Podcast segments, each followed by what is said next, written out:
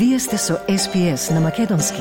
Слушнете повеќе прилози на sps.com.au козацрта на Седонин.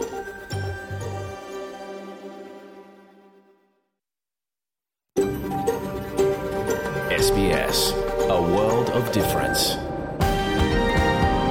You're with SBS Macedonian on mobile, online, and on radio.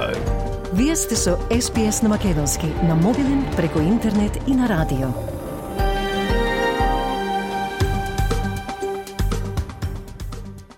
СБС им оддава признание на традиционалните собственици на земјата од која денеска имитуваме програмата на македонски јазик.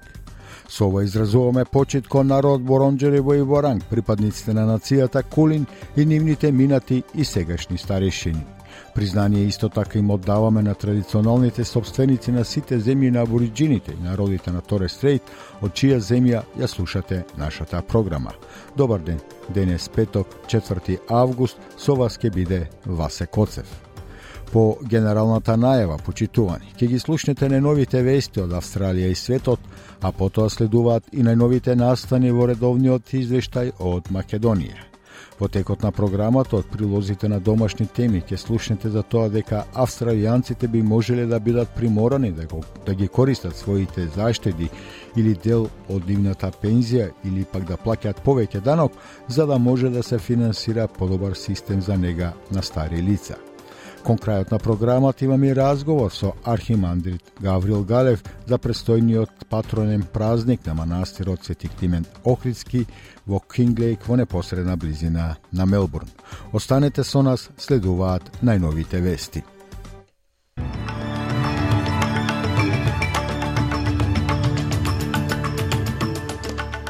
Од денешниот билтен вести издвојуваме Австралиската федерална полиција сослушана за даношниот скандал со PricewaterhouseCoopers. АНЗ блокирана да ја купи Санкор Банк од страна на Австралиското тело за конкуренција. Бугарија со државна прослава му даде целосен бугарски карактер на Илинденското востание и поранешниот председател на САД Доналд Трамп се изјасни за невин по обвиненијата за изборен заговор. Слушајте не.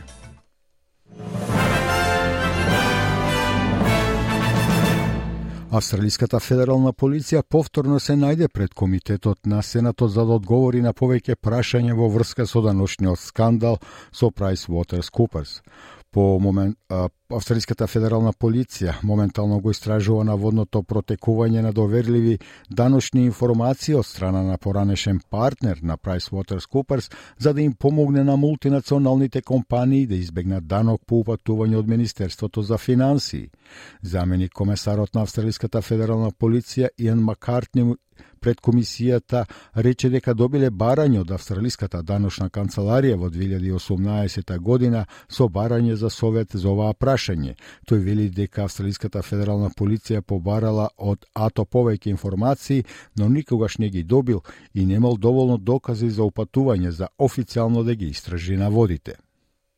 So again, the, the, initial engagement in 2018 through to 2019 was a request for advice whether there was sufficient information for the AFP to conduct an investigation, and we formed the view there wasn't. The referral or the report of crime this year was, was a full report of, of crime for the AFP to investigate. And in terms of context, in terms of material that the AFP provide, were, were provided with that report of crime, it's a, a, a lot more extensive than the material we were provided in 2018. Австралиското тело за конкуренција го блокираше АНЗ да ја купи Санкор Бенк. Австралиската комисија за конкуренција и потрошувачи вели дека верува дека стекнувањето ќе намали конкуренцијата на пазарот на штета на клиентите.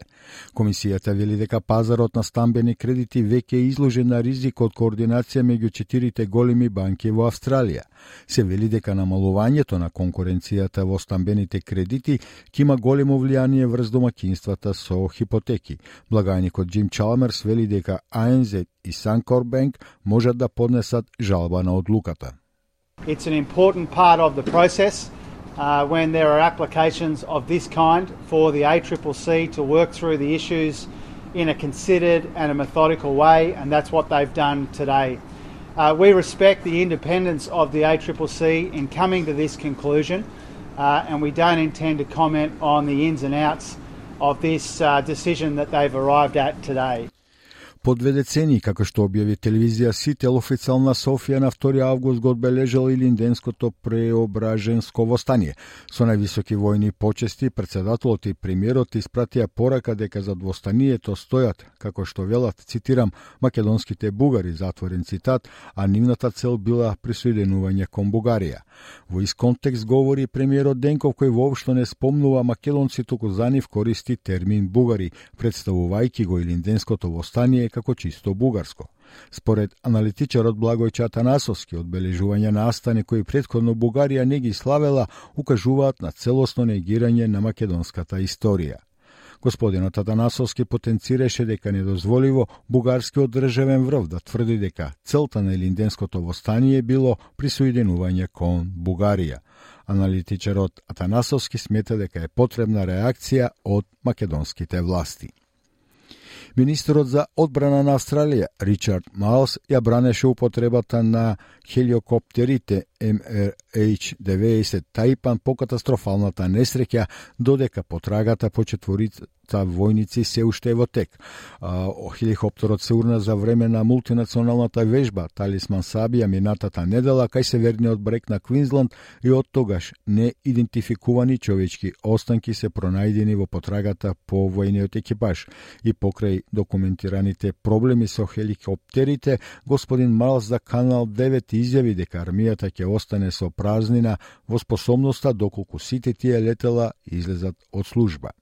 They are the capability that we have right now uh, in terms of moving Defence Force personnel around, working with our special forces, and doing a whole lot of uh, disaster recovery, which has uh, which has made a difference. Now, I can tell you that the issues in relation to the maintenance of the, the aircraft, which is obviously why we've made a decision to replace them. Um, but it, it, having the capability available is a really important thing for uh, the army. Премиерот Ентони Албанезе остро реагираше откако беше обвинет за правење поделба на нацијата поради референдумот за домороден глас до парламентот. Водачот на опозицијата Питер Датон рече дека господин Албанезе е, цитирам, во ситуација која е надвор од неговите можности, затворен цитат, и намерно крие детали за тоа како би функционирал гласот. The Prime Minister is deliberately Order. and willingly Members on my right. withholding that information from Labor voters and from the Australian public. And that is why, Mr Speaker, this situation goes from bad to worse, because the Australian Prime Minister is seeking to divide his nation. Но премиерот вели дека господин Датон го бойкотирал извинувањето до украдените генерации во 2009 година и е одбил поканата за фестивалот Гарма да разговара за гласот со домородните представници таму. Прај министрот Албанези вели дека не е логично што коалицијата се противи на гласот. Both sides of parliament are saying they support constitutional recognition. Both sides of parliament are saying they support a legislated voice. The only difference between the two positions is that we, we are putting forward the position of constitutional recognition in the form that has been requested by Indigenous Australians themselves over a period of two decades. Новиот извештај на Ховнесеси Австралија сугерира дека побарувачката за услуги за бездомници е зголемена поради што стапката на слободни места за изнајмување достигнуваат рекордно ниско ниво. Извештајот открива дека меѓу декември 2022 и март 2023 година бројот на луѓе кои бараат помош е зголемен за 7,5%. Најголем пораст забележа Квинсленд, следен од Западна Австралија и Нов Јужен Велс. Извештајот исто така открива дека жените и децата сочинуваат 74% од сите луѓе кои ги користат услугите за бездомници. А поранешниот американски председател Доналд Трамп го напушти судот откако се изјасни за невин по обвиненијата дека водел широк заговор изграден врз лаги за да ги поништи председателските избори во 2020 година. Фаворитот за председателската номинација на републиканците во 2024 година се појави пред судија на 1 километар од зградата Капитол на САД, зградата што која неговите подржувачи опаднаа на 6 јануари 2021 година за да се обидат да го спречат Конгресот да го потврди неговиот пораз. Господин Трамп накратко им се обрати на медиумите пред да го напушти Вашингтон Д.С. This is a very sad day for America, and it was also very sad driving through Washington, D.C., and seeing the filth and the decay and all of the broken buildings and walls and the graffiti. This is not the place that I left. It's a very sad thing to see it. Uh, when you look at what's happening, this is a persecution of a political opponent. This was never supposed to happen in America. Правната портпаролка на Трамп, Алина Хаба, вели дека судот се обидувал да го спречи поранешниот председател да води кампања на изборите во 2024 година. I think that every court needs to look at this as a whole, right? It's not about the January 6th case. It's about the fact that in the matter of a couple months, we have seen them try and tie up, and me as an attorney, I've never seen this, tie up one individual who's a campaign, who's running a campaign in a campaign, running for office for president, so that he is in court, in depositions, and distracted so that he won't properly run for 2024. And frankly, it's not going to work. Американскиот државен секретар Ентони Блинкен ги повика сите земји во Обединетите нации да и кажат на Русија да престане да го користи Црното море како уцена. Русија минатиот месец се откажа од договорот што и овозможи на Украина безбедно да го испорача своето жито на глобалните пазари. Речи си 90 земји сега го поддржуваат краткото комунике подготвено од САД со кое се обрзуваат да преземат акција за да се стави крај на употребата на храната како оружје за војна и гладувањето на цивилите како тактика на војување. Господин Блинкин вели дека ќе сторат се што е потребно за да се обезбеди враќање на иницијативата. We just have 91 countries uh, commit in a joint communique to ending the use of food as a tool of war. That in and of itself is a powerful statement, and we urge uh, others to join. I think we've heard from around the world a chorus of condemnation for this action and the strong desire uh, on the part of many, many countries, that this arrangement be put back in place. And it's very simple. It's on Russia to decide whether to do so. Достапноста на осигурување и справувањето со штетите по разорните поплави во 2022 година ќе бидат разгледани на ново парламентарно рочиште. Управувањето со штетите е под лупа по поплавите во неколку држави, при што многу баратели се уште се борат со нивните осигурителни компании. Но министерот за финансиски услуги Стивен Джонс вели дека истрагата нема да се користи како изговор за покажување со прст кон осигурителната индустрија. Тој вели дека ќе се работи за изнаоѓање решенија и davanje odgovori. When a disaster hits, it's an absolute tragedy, it's a financial tragedy, uh, but it's also a social and an emotional tragedy and the insurance policies that people take out to protect themselves against the impact of these tragedies uh, are there to smooth the financial impact, and they should not be adding to the anxiety of the disaster because of the mismanagement of a claims process.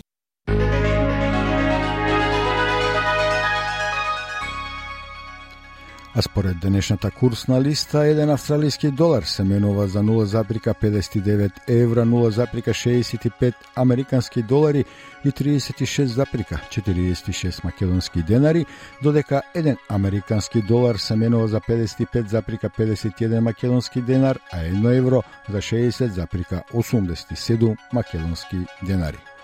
И за крајот вестите и временската прогноза за поголемите градови во Австралија утре, сабота 5 август. Пет претежно сончево со температура до 19 степени, Аделајд облачно до 14, Мелбурн облачно до 13 степени, Хобарт делумно облачно исто така 13 степени, Камбера слаби повремени врнежи до 15, Сиднеј слаби повремени врнежи до 21 степен, Брисбен претежно сончево до 23, Дарвин делумно облачно до 33 степени и во Алис Спрингс ќе биде претежно сончево со температура до 24 степени.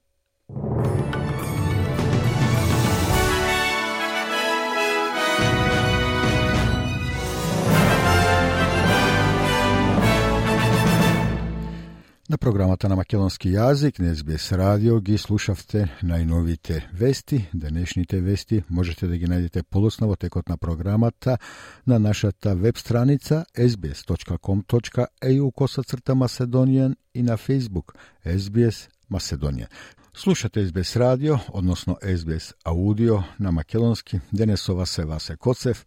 Следови извештајот од Македонија во кој ќе слушните за тоа дека Бугарија со државна прослава му даде целосен бугарски карактер на ленинското востание, а министерот за надворешни работи Бујар Османи во Скопје вчера се сретнал на одвоени средби со амбасадорот на Европската унија Дейвид Гир, амбасадорот на Холандија Дирк Јан Коп и со заменик шефот на мисијата на амбасадата на САД во Скопје Ерик Мајер Мер.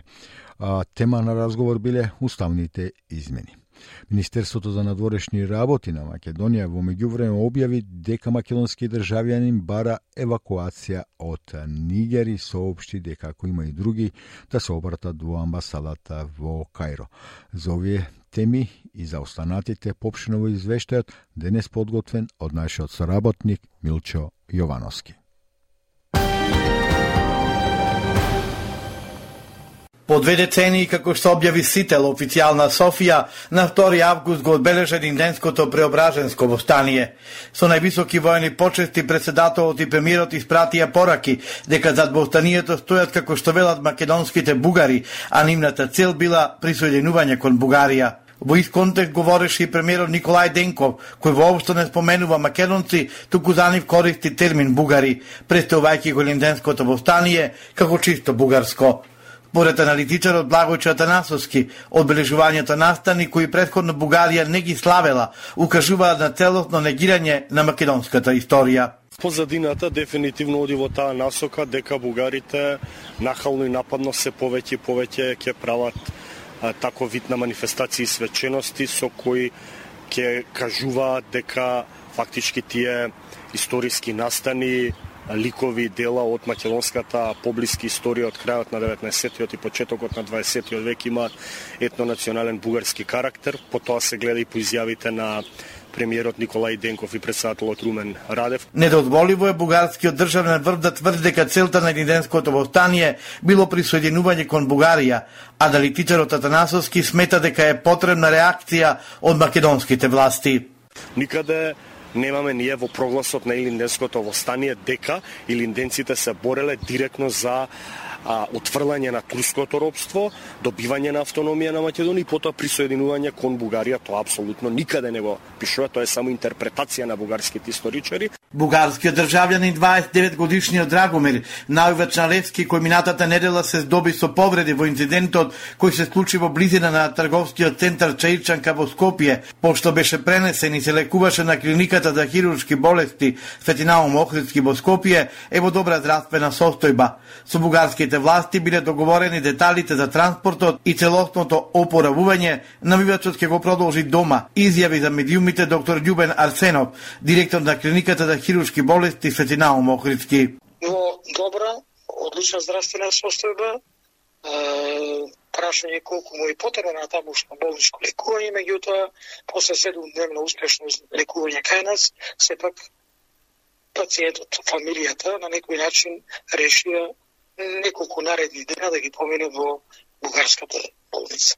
Па карактерот на повредата се работи за повреда на црниот дроб и оператив, самата оперативна интервенција на некој начин диктира сепак да биде по-удобен удобен транспортот, како да кажам, така да може би и оправдано. Инаку за инцидентот обвинителството отпори постапка против четири лица, но се уште се трага полицето осомничено за директно нанесување на повредите на бугарскиот навивач, кој се наоѓал во едно од двете возила кое пред фудбалскиот надпревар Левски Шкупи минатата недела се движело низ Чаир. Вечерва фудбалерите на Шкупи му гостуваат на Левски во реванш надпревар. Во инцидентот минатиот четврток приведени беа вкупно 21 лице, они 19 се бугари, а двајца македонски државјани кои биле дел од навивачката група Шкупи. На СБС слушате вести од Македонија.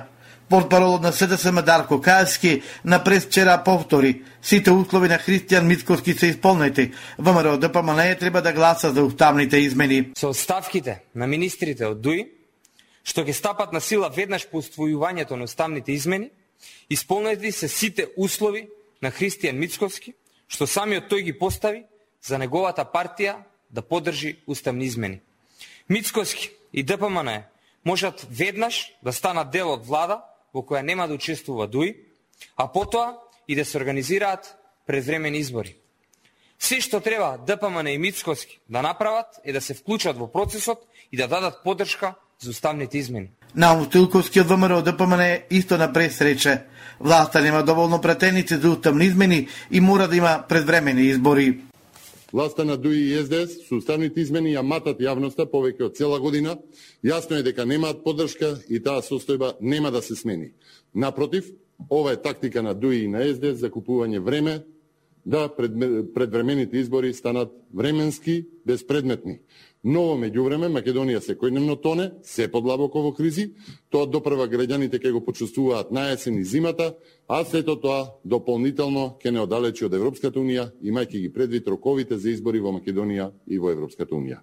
Министерот за надворешни работи Бујар Османи отворил одвоени средби со амбасадорот на Европската Унија Дейвид Гир, амбасадорот на Холандија Дирик Јан Коп и со заменик шефот на мисијата во амбасадата на САД во Скопје Ерик Мейер, соопштија од МНР.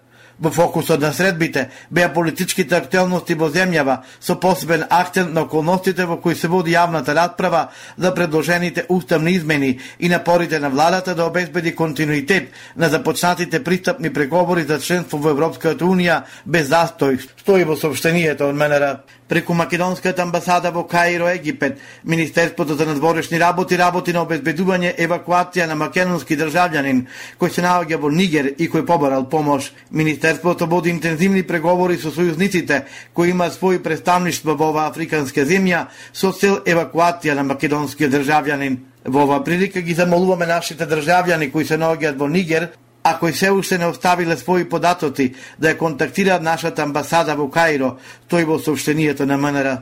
Дополнително, од Министерството апелира граѓаните да избегнуваат патување во Нигер поради влошената безбедносна ситуација во оваа земја и можноста за нејзина ескалација. За оние кои се на територијата на Нигер имаат можност да ја напуштат земјата, МНР апелира да го сторат тоа веднаш. Дали работниците кои ги градат автопатите на коридорите 8 и 10 ќе работат преку времено и за тоа ќе бидат платени. Уставниот суд оформи предмет по барање на Хелсиншки комитет, кој треба да утврди дали има манипулација во законот за изменување и дополнување на законот за работни односи. Тоа ќе покаже колку работниците ќе бидат исплаќани за нивните ангажмани од страна на конзорциумот Бехтел и НК. Хелсиншки тврди дека има нееднаков третман на работниците, но и дискриминација од страна на министрите за финансии и труд труд и социјална политика, кои го одредуваат начинот и местото на исплатата на земјиците. Во иницијативата до Уставниот суд се вели дека се создава правна несигурност. Портпарол на Уставниот суд Христина Беловска за медиумите рече во момент се наоѓа во многу рана фаза, односно предходна постапка, кога е доделен кај тимот советник и судија, кои што допрво ги испитуваат наводите од иницијативата која што е поднесена од страна на Хелсиншки комитет за човекови права. Вијата и тимот кој што работи на предметот ќе оцени дали сите тие наводи кои што се а, вметнати во иницијативата се издржани и дали се во спротивност со Уставот и Законот за работни односи, како што тврди подносителот на иницијативата. О Хелсински смета дека со овие членови во Законот за работни односи власта не ги заштитува работниците, што е противно на меѓународните конвенции и е обид да се заобиколат поставените правила. Проектот 2015 вреден 660.000 евра за софтвер во Министерството за земјоделство, шумарство и водостопанство е случајот за кој Европската канцеларија за борба против измама ОЛАФ констатирала неправилности и препорачала државата да ги врати парите. Како што информира министерот за земјоделство, шумарство и водотопанство Лјупчо Николовски, не се работи за никаков договор или предмет поврзан со ИПАРД, туку за проект што се реализирал преку ИПА поддршката на министерството. Не знам од каде е посочено дека а, ИПАРД е тој дел каде што има истраги. Јас може да потврдам дека имаме еден случај од 2015 година за кој што а, имаме конечна одлука на ревизор, ревизорите од страна на, на Брисел и е веќе донесена одлука на влада а, и тој предмет е процесуиран согласно европските правила до обвинителството за организиран криминал. Станува збор за проект склучен 2015 година за одреден софтвер за Министерството преку ИПА, да бидеме јасни, прецизни и транспарентни. Не сакам да се наруши успешната ИПАР приказна. Ние треба да градиме доверба со луѓето. Имаме 120 милиони евра на располагање и сакаме максимално да ги искористиме, повлече министерот Николовски. Лекарите повторно излегуваат со барање за зголемување на платите. Во противно најавуваат протести и напуштање на јавното здравство. Ова го најави Синдикатот на клинички на кој му се преклучува и докторски одбор. Како што се најдува пари за судиите и за функционерите, така треба да се најдат пари и за лекарите, вели доктор Нико Бекаровски. Како што сме тргнати по овој пат, верувајте дека ако и овој пат повторно бидеме изиграни, на крај приказната ќе биде сите кои што створиле некое име во државава, ќе преидеме во приватното здравство, Сите имаме понуди, секој момент може да предаме, а младиве колеги ќе напуштат држава. Министерството за здравство ги поддржува заложбите на медицинските синдикални друженија за подобар здравствен систем, како и поефикасна здравствена услуга на пациентите, стои во сообщението. Министерот за здравство доктор Фатмир Меджити на последниот состанок со председател на синдикатот на клинички центар доктор Предрак Серафимовски и со доктор Љубиша Карамфиловски, председател на самостојниот синдикат за здравство, фармација и социјална заштита, разговара за состојбите во здравството и беа поспоменати повеќе идеи во врска со клинички центар, специализациите, подобри услови за работа на здравствените работници и нивно стручно усовршување. На состанокот беше договорено дека во септември ќе се одржи работна средба на која подетално ќе се разработат одредени актуелни прашања, меѓу кои и пресметувањето и исплатата на платите во здравствената дејност, соопштија од Министерството за здравство.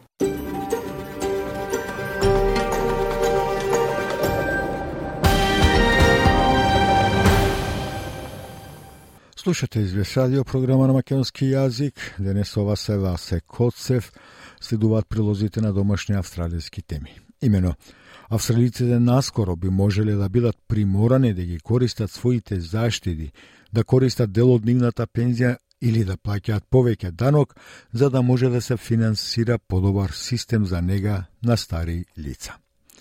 Новиот извештај од заинтересираните странки во индустријата за нега на стари лица предлага повеќе кратни можни одржливи модели на финансирање, што владата би можела и да ги спроведе. Повеќе ќе дознаете од прилогот на Софија Тарик, подготвен за SBS News, а на македонски ќе го слушнете од колешката Маргарита Василева.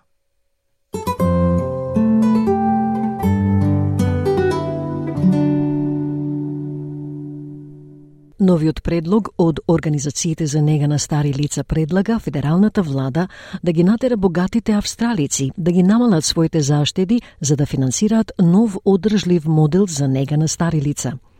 Извештајот напишан во консултација со 43 организации за нега на стари лица, вклучително и даватели на услуги, потрошувачи, експерти и синдикати.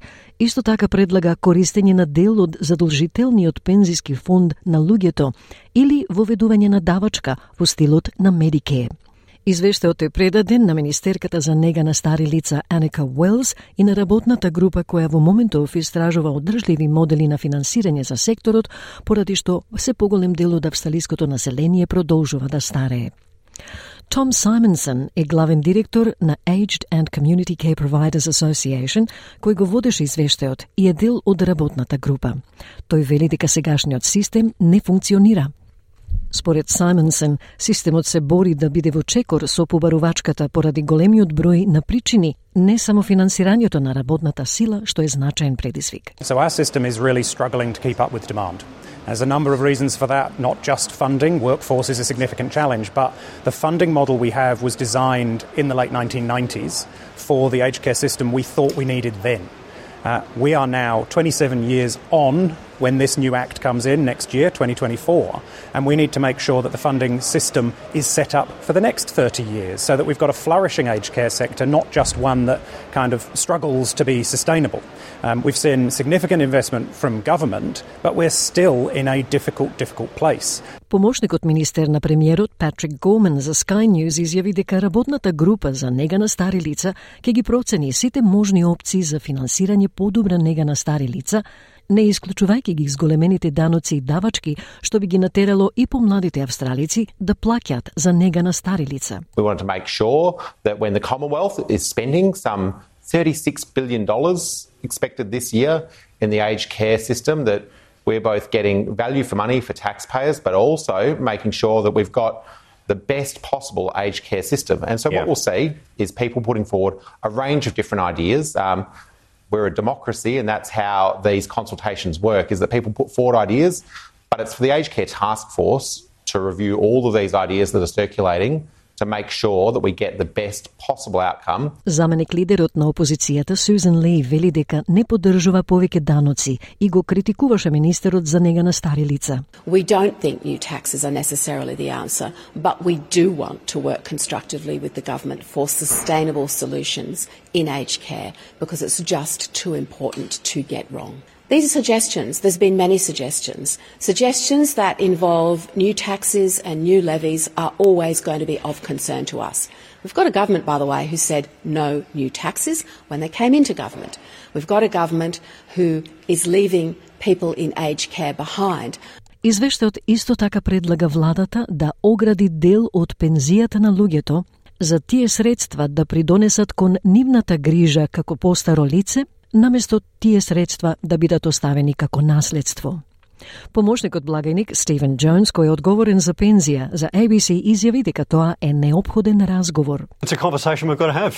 Um, the purpose of superannuation is to provide Uh, for retirement income. And of course, you know, those last stages in a person's life has got to be taken into account in this. It, it strikes me um, as odd in a system which is about retirement income that a third of the checks that have been written by superannuation uh, funds by value, so a third of the value of checks that superannuation funds are writing at the moment are bequests.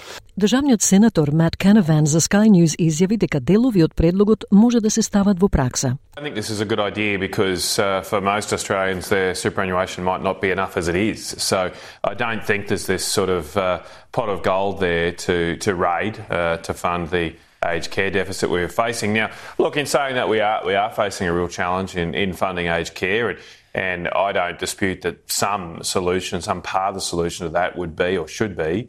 Uh, to, to require people who can pay or can afford to pay to make a contribution.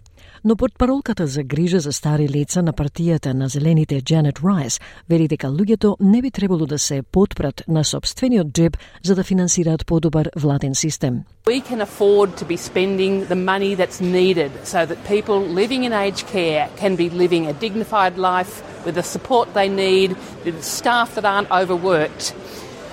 If we were spending the money that is needed, we could be doing that. Why are we talking about increasing a user user pays people having to pay more for their aged care when there is money that we could be spending if we didn't if we did away with the stage 3 tax cuts Работната група за нега на стари лица треба да ги објави своите конечни препораки на крајот на годината. И во 2024 година се очекува нов закон за нега на стари лица.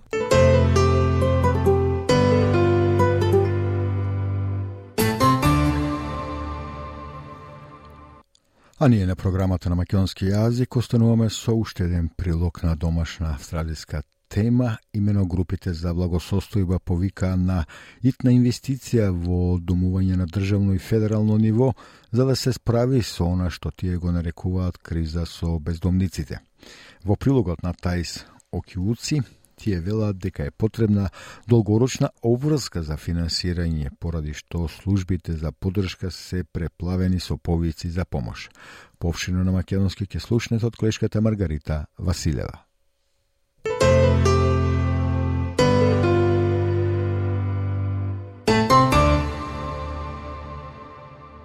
Джол Пресинкюла е самохрана мајка. Джол Пресинкюла е самохрана мајка, која исто така го преживеа семејното насилство.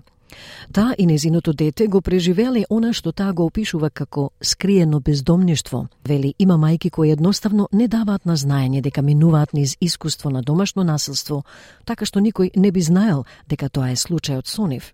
Пресинкюла вели, сака владите да пружат поддршка кога е потребна. Us mothers, we just like to carry on and just get on with it.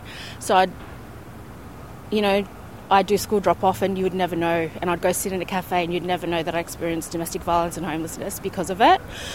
And we just need the governments to come to the table to catch women who experience domestic violence when they fall. Без стабилно место за живење, господјата Пресинкјула беше принудена да се движи наоколу за две и пол години. Самата неизвестност и фактот што немаше каде да оди со шестмесечно бебе беше травматично, велитаа, така што бездомништвото е еднакво на траума и го продолжува тој процес на заздравување. The uncertainty of having nowhere to go every day. Um, I had a six-month-old baby, um, and just the uncertainty of not having anywhere to go.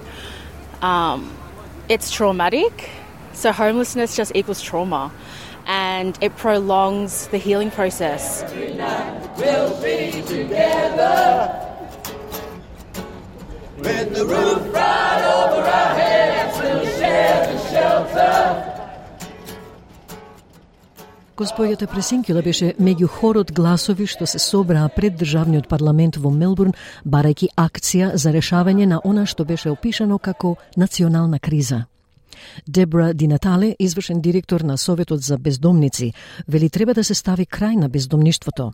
122.000 луѓе ширум земјата се соочуваат со бездомништво во која било дадена ноќ. Изјави Динатале, што значи дека тие луѓе или спијат на каучот на пријател или со своите деца бегаат од семено насилство или живеат во нивните автомобили или пак во многу ситуации немаат засолниште и се на јавни места. What we need to do today is highlight to the government that we need to put an end to homelessness. 122,000 people across the country are experiencing homelessness on any given night. What does this look like in real terms? It means that those people are either sleeping on a friend's couch, they are with their children escaping family violence and in their cars, or they are in expensive rooming houses and in many situations have no shelter at all and are in public spaces. We need to get a national plan with federal government and every state and territory government together to put an end to homelessness.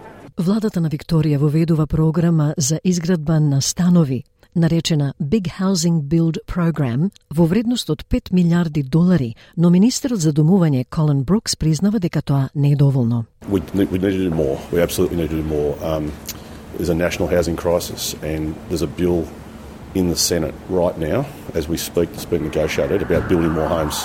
Uh, we're trying to get that uh, funding through Canberra so that we can build even more social housing across the country, but importantly here in, here in Victoria. Демонстрантите се собраа на скалите пред парламентот каде беа поставени 6000 хартиени оригами домови, што представува дополнителен број домови кои застапниците велат дека треба да се градат во Викторија секоја година за да се стави крај на бездомништвото. Настанот исто така имаше за цел да фрли светлина врз она што несомнено е национално прашање кое влијае на сите делови на земјата. Заедниците се здружуваат за каузата. Во Мелбурн, самопрогласената престолнина на кафето има кампања предводена од бариста која ги ангажира кафолињата низ целата земја за да има влијание. Джеф Хилс од Street Smart Australia, кој ја води иницијативата, објаснува како таа функционира. Тој вели учествуваат преку 700 кафулиња, а јавноста може да отиде на интернет каде има мапа и можат да најдат локално кафуле што учествува, во кое сите собственици на кафулиња одстрануваат по 1 долар на секое продадено кафе и чии средства ќе бидат дистрибуирани на локалните групи за бездомници. Uh, over 700 cafes all taking part. You can go on online and there is a map and you can find a local participating cafe where cafe owners are all chipping in a dollar per coffee sold. And what we do is is then we scoop all of that money up and we'll be distributing those money, that, that money out and those donations to local homeless groups. Во меѓувреме, во тропските предели, оддалечени илјадници километри, службата за сместување во Кенз на Англике отвори градина со овошје и зеленчук за да им помогне на оние кои тешко обстојуваат финансиски. Тоа се заедници од градовите и од регионите, сите даваат глас на националниот повик целосно да се стави крај на бездомништвото.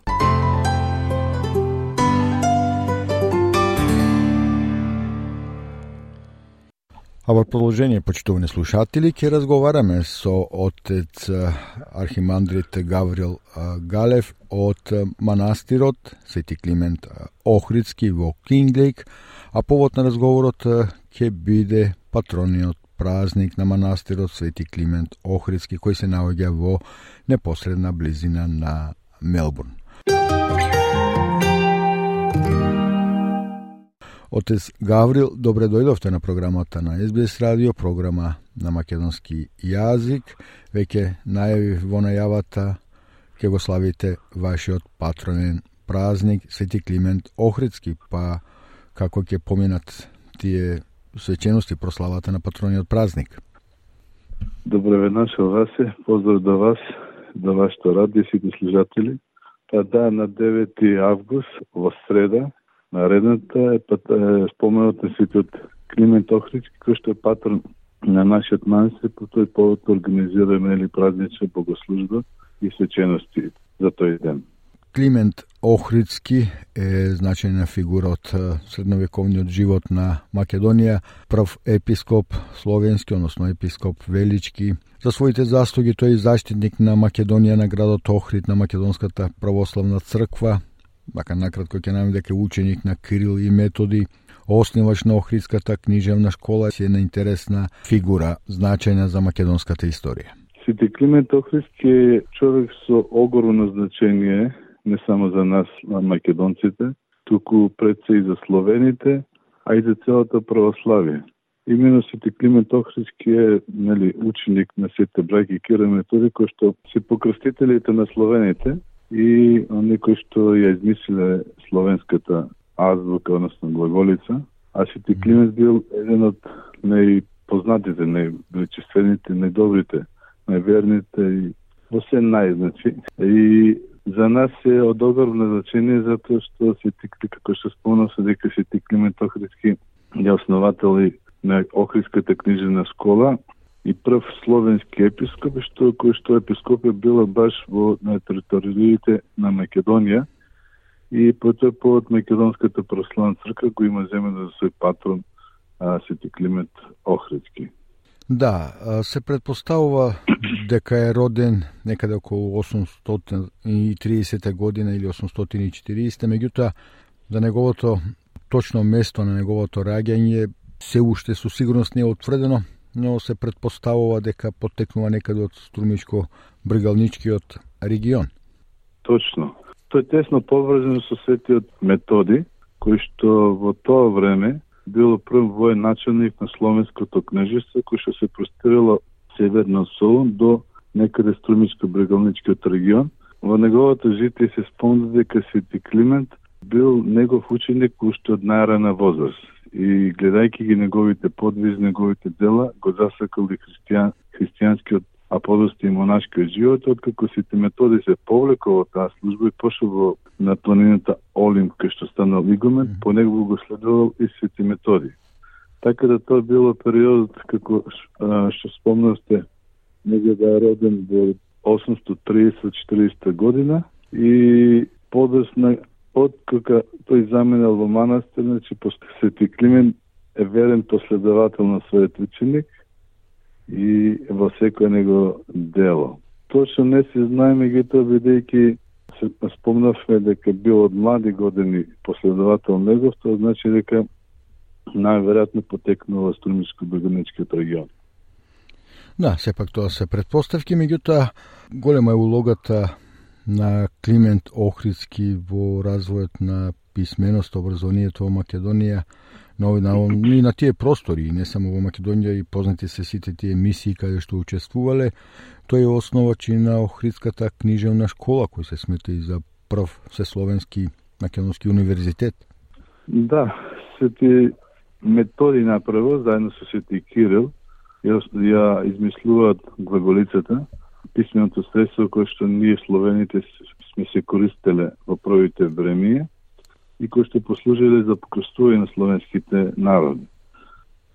Тоа било некаде пред почетокот, пред мисијата во Моравија, негде 860 години и подосно од кога сетите браќи Кирил Методи замиле во Моравија, со нив после и другите свети ученици, меѓу кои Климет нам Сава Горе Сенгелари, и кои што ги сметнеме за петочисленици или заедно со светите Кирил Методи седмочисленици, што е всушност празникот на, на кој што следува и кој што ние го празнуваме.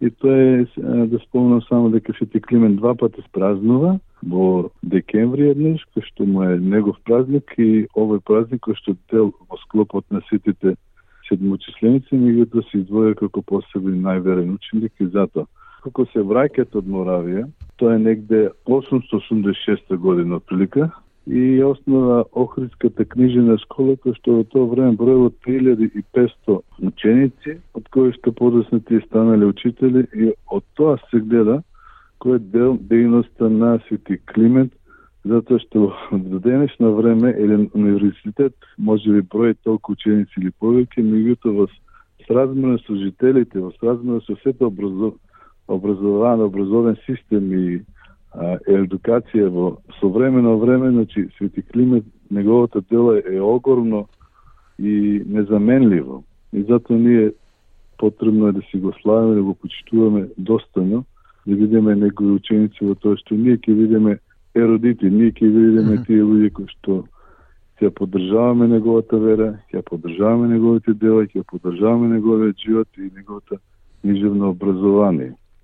Да, секако заслугите на Климент се големи, затоа и се слави и неслучајно и а, заштитник на Македонија на градот Охрид, на Македонската православна црква. Е сега спомнавте дека се слави два пати и во летниот период и во зимскиот период. Накратко, зошто е тоа така? Па најчесто, бидејќи манастирите во кои што се слава, а, кои што празниците во кои што се слават во зимно време, бидејќи манастирите кои што ги носат нивните патрони на празниците се во, нели, во, тој, во тоа време во Македонија и во, во нашите краишта се а, тешко пристапни. И затоа секогаш на некој начин се бира и втор алтернативен празник во летниот период, така и со Свети Мал, така и со Свети Никола, така и со Свети Климет, и во другите за другите празници, за другите светители наше стоја кога се прослава и кога се пренесуваат моштите. Е за сите климете кога се прослава, денот кога се прослава и денот на сетите седмочисленици. Е сега а, рековме во среда на 9 август, вие ќе го славите патрониот празник. А, што се планирате, каква програма планирате, како ќе го одбележите патрониот празник на манастирот Свети Климент Охридски во Кинглейк? Празникот го почитуваме со вечерната богослужба пред денот, а тоа е на 8 август во 7 часот ќе почнеме со вечерна празнична богослужба на која што ќе се испеат празничните стихи на Свети Климент и ќе се испее и, и празничниот леп а наредниот ден од 9 часот наутро ќе имаме сечена богослужба на која што се повикани и браќа со служители свештеници од помесните наши православни цркви, така да ги поканам сите наши верници, ако се во можност, бидејќи се работи за работни денови, меѓутоа сите кои што се можни да, да посетат и на некој начин да се докажеме своето вероисповедание, и се нашата почит кон Свети Климет и кон ова светилиште кој што исто така многу значен затоа што е прв македонски манастир не само во Австралија, туку во целата македонска диаспора. Да, со оглед на делото, на заслугите што се што ги оставил зад себе за за нас Климент и Наоми останатите се пак секако го заслужуваат тоа внимание и се надам дека вашите богослужби во вторник на вечер, во среда ќе бидат и посетени. Отец да, Гаврил, ви благодарам за остапеното време и за информациите што ги споделивте за слушателите на СБС радио за патрониот празник на манастирот Свети Климент Охридски во Кинглейк. Ви вас за обстапеното време и за секој што, што секој сте со нас, особено за овие празнични денови. Со разговорот со отец Гаврил за предстојниот патронен празник на манастирот Свети Климент Охридски во Кингли стигнавме до крајот на денешнава програма, уште не да се подсетиме на неважните настани на денот.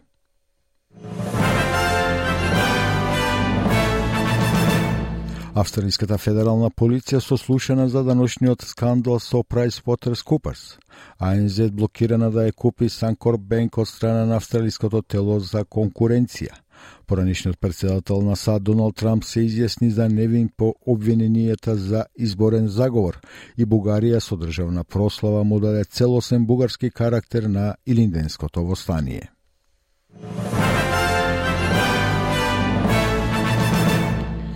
И со тоа, почитувани, стигнавме до крајот на денешната програма. Денес со вас беше Васе Коцев. Ви благодарам за вниманието и што бевте со нас и ви посакувам пријатно попладне, пријатен викенд и бидете повторно со програмата на македонски јазик во понеделник точно на напладне. Сакате ли да чуете повеќе прилози како овој?